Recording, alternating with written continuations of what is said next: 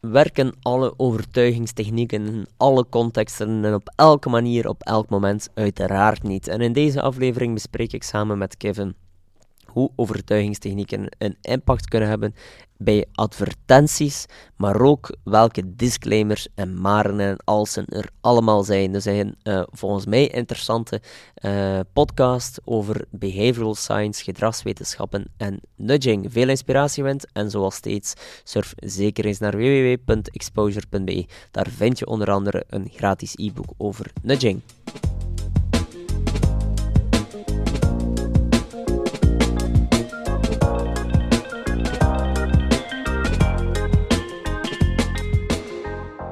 Zag langs een advertentie waarin uh, echt ja, heel duidelijk bepaalde overtuigingstechnieken gebruikt werden en, en, en naar voren geschoven werden. En ik, ik, vroeg me af, werken die zaken echt nog wel?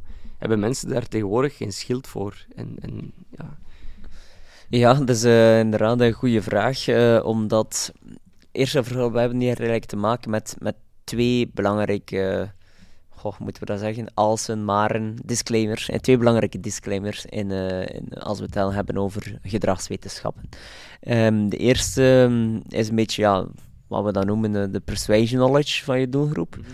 En de tweede heeft te maken met uh, ja, hoe ver je zit in de customer journey. Dus twee, twee echt plat gebruikte marketingtermen, dan toch zeker die tweede, de customer journey. Maar, maar laten we vooral eerst starten met de eerste, want je vraag specifiek Kevin, was van, hebben mensen hier geen mhm. schild voor? Ja, dat is inderdaad wel een belangrijke. Want en, en ja, uiteraard, de essentie van communicatie is dat je altijd rekening houdt met je doelgroep. Mhm. En zeker in advertising. Maar als je op een breed publiek mikt, zal dat schild wel meevallen. In die mhm. zin dat de meeste mensen niet zo hoge persuasion knowledge hebben. En daar komen we tot uh, dan uh, de persuasion knowledge. Wat wil eigenlijk zeggen? De mate dat mensen weten of kennis hebben over overtuigen, mhm. persuasion knowledge, de mate dat mensen uh, knowledge, kennis hebben over overtuigen, persuasion, hoe minder nadrukkelijk of hoe minder obvious de, de overtuigingstechnieken mogen zijn. Ja. Want, een terecht punt, als mensen het gevoel hebben dat ze overtuigd worden, of dat ze het met een heel vies woord, manipulatie, uh, het, uh, het, ervaren dat, uh, dat ze ja, dan eigenlijk net meer weerstand zullen voelen mm -hmm. om al dan niet de keuze te maken. Hè, en dan in deze geval niet de keuze te maken. Dus daar, daar moet je rekening mee houden. En een concreet voorbeeld. Ja, als wij voor onze klanten een campagne ontwikkelen, zeer gericht naar bijvoorbeeld verkopers, dan ga je uiteraard andere technieken gebruiken dan bijvoorbeeld naar een breed publiek. Omdat we er kunnen van uitgaan dat een breed publiek een lagere persuasion knowledge zal hebben dan verkopers.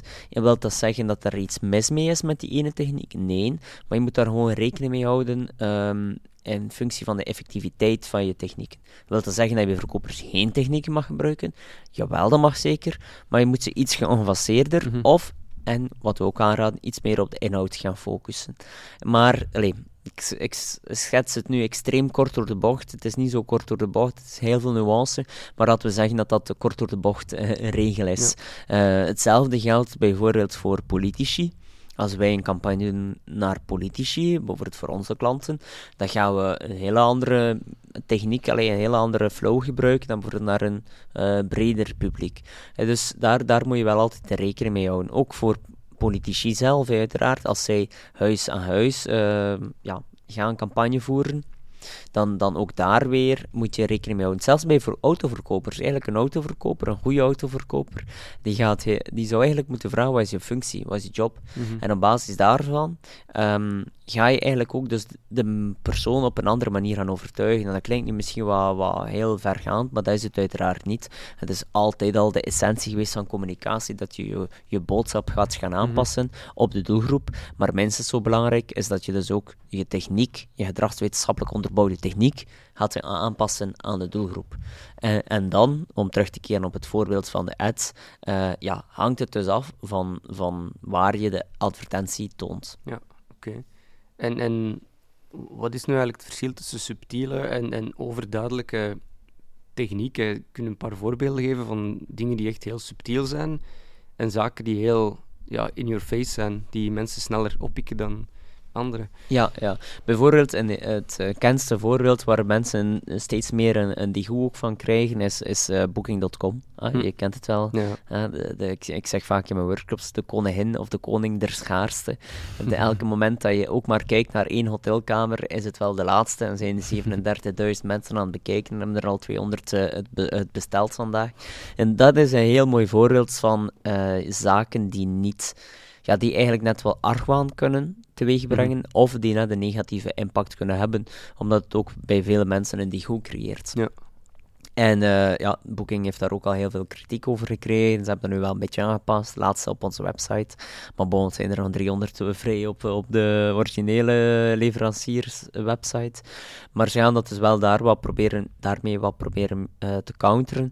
Maar mensen ervaren dan wel dat dat niet klopt. En, en daardoor uh, laten ze zich daar ook minder door beïnvloeden. Mm -hmm. Maar er zijn nog altijd veel mensen, een breed publiek, die een lagere precision knowledge hebben, die dan wel zich nog altijd door laten beïnvloeden. Mm -hmm. En um, dat is hetzelfde met bijvoorbeeld uh, bedrijven die zo'n evenement organiseren en die dan zeggen van uh, bij de lancering nog uh, plaatsen beperkt en zo van die zaken. Ja, allee, dat werkt niet. Hé. Als je daar naar, zeker als je naar een B2B-context mhm. werkt, naar ondernemers, die weten ook wel van ja, ja, het zal wel. En zeker, zeker als je dan nog eens een evenement organiseert en het zit maar half vol en je hebt gezegd van mm plaatsen zijn beperkt, ja, dat is niet alleen uh, extreem belachelijk, maar dan heb je ook nog als ondernemer een beetje een walk of shame als je zegt, uh, als je een speech moet geven.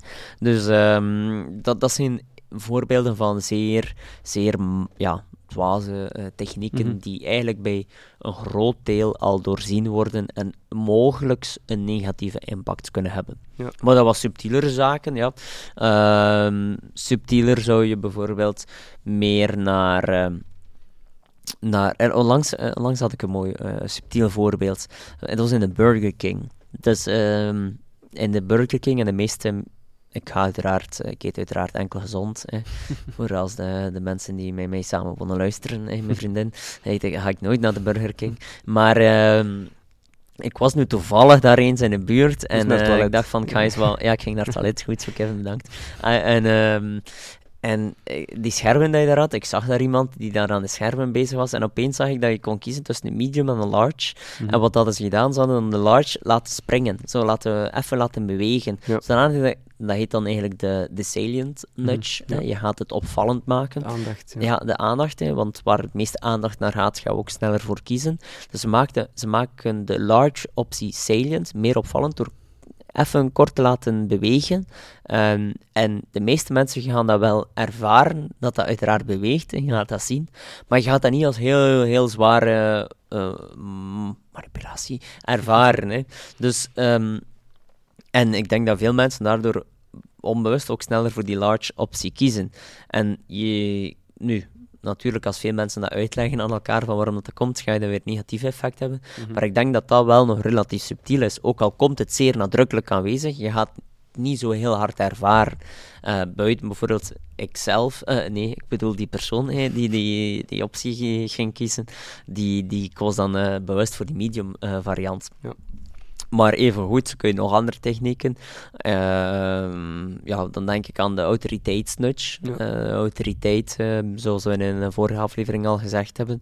je kan je ook de zender die je gebruikt voor een bepaalde boodschap te brengen, ja, daar kan je eigenlijk over gaan nadenken, dat je die zender gebruikt met de meeste autoriteit. Mhm. En dat is dan voor de ontvanger, ja, die gaat er niet ervaren van, oké, er kon ook een andere zender gebruikt worden, ja, want daar denk je niet over na. Maar je gaat je boodschap wel krachtiger maken door mm meer autoriteit te voegen aan je zender of aan je boodschap.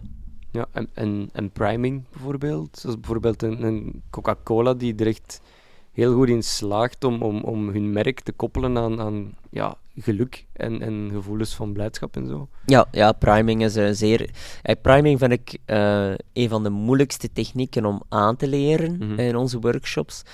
maar het is wel een zeer efficiënt, een zeer effectief. het kan, opnieuw, ik moet altijd met twee woorden spreken, gedragswetenschappen. Maar het kan inderdaad een zeer effectieve techniek zijn. Ehm, ja, een leuk voorbeeld daarvan is, is het examen. Hè. Dus het examenlokaal, um, dat, ze, dat ze drie groepen hadden. Dus een, een testvariant waar het gewoon een clean, normaal examenlokaal was. Dan een groep die met foto's van uh, Rodin, uh, waar het examenlokaal dus ingericht was met foto's van Rodin de Denker. Hè. Mm. Diegene kende wel de penseur met, de, met de kin en de vuist. En dan de tweede de, de, tweede variant, dus de derde groep, was dan uh, ingekleed, een examenlokaal ingekleed met foto's van een marathonloper. Hm. En wat bleek, dat uh, in vergelijking met de testgroep, dat dus de, de marathonloper, of de studenten in, de klas, in het klaslokaal met de marathonloper, het examen sneller hadden ingevuld.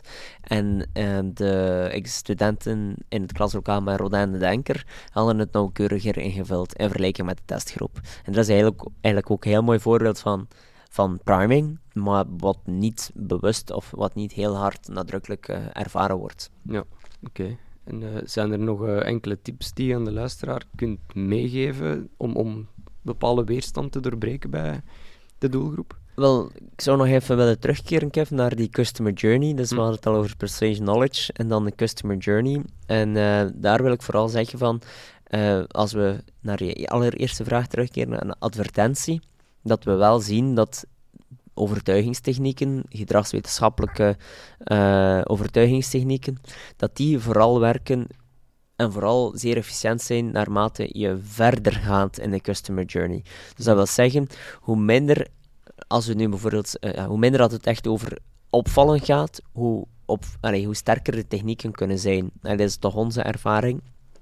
Dat wil niet zeggen dat die technieken niet werken in advertentie, uiteraard wel, maar het gaat vooral over wat wij zien bij Vlaamse KMO's, en dat uh, de technieken meestal niet worden gebruikt uh, naarmate het einde van de customer journey, terwijl ze daar eigenlijk net heel veel mhm. effect hebben. En wat bedoel ik daarmee? Je hebt, laten we nu zeggen, een standaard customer journey is van ik zie een advertentie op sociale media, naar ik klik op de website, ik neem contact op, ik krijg een offerte en ik word klant en ik word ambassadeur. Heel simpel, kort voor de bocht waar dat eigenlijk die technieken bijvoorbeeld in de fase van op de website maar zeker bij de offerte en het persoonlijk gesprek een gigantisch grote impact kunnen hebben, omdat je daar in de fase zet dat mensen interest en desire hebben. Mm Dus het AIDA-model, Attention, Interest, Desire, Action.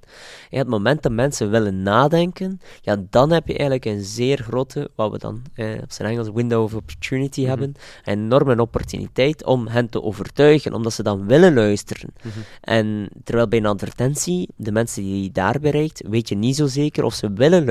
Mm of ze überhaupt interesse hebben om bijvoorbeeld een keuken uh, te mhm. kopen. dus dat, maar als iemand in de showroom is, dan weet je al van oké, die hebben mogelijk interesse, want anders kom je niet naar de showroom. Of je mhm. zou echt geen vrienden moeten hebben op een zaterdag of een zondag. En dat kan dan misschien ook.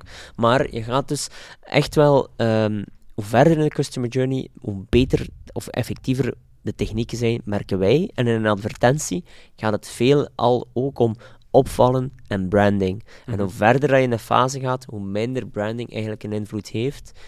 En ik ga opnieuw kort door de bocht, maar dat is wat wij merken bij KMO's, mhm. dat ze eigenlijk heel veel laaghangend fruit laten liggen door die psychologie en die gedragswetenschappelijke technieken niet te gebruiken in de volledige customer journey. Mhm. Ja, oké, alright.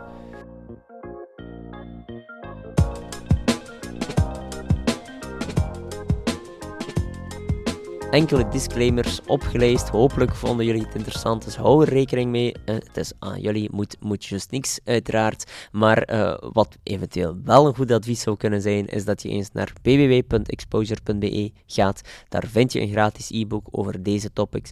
Of uh, schrijf je in voor een van onze gratis webinars. En zoals steeds, aarzel niet om ons te contacteren met inspiratie, vragen of suggesties. En tot de volgende aflevering.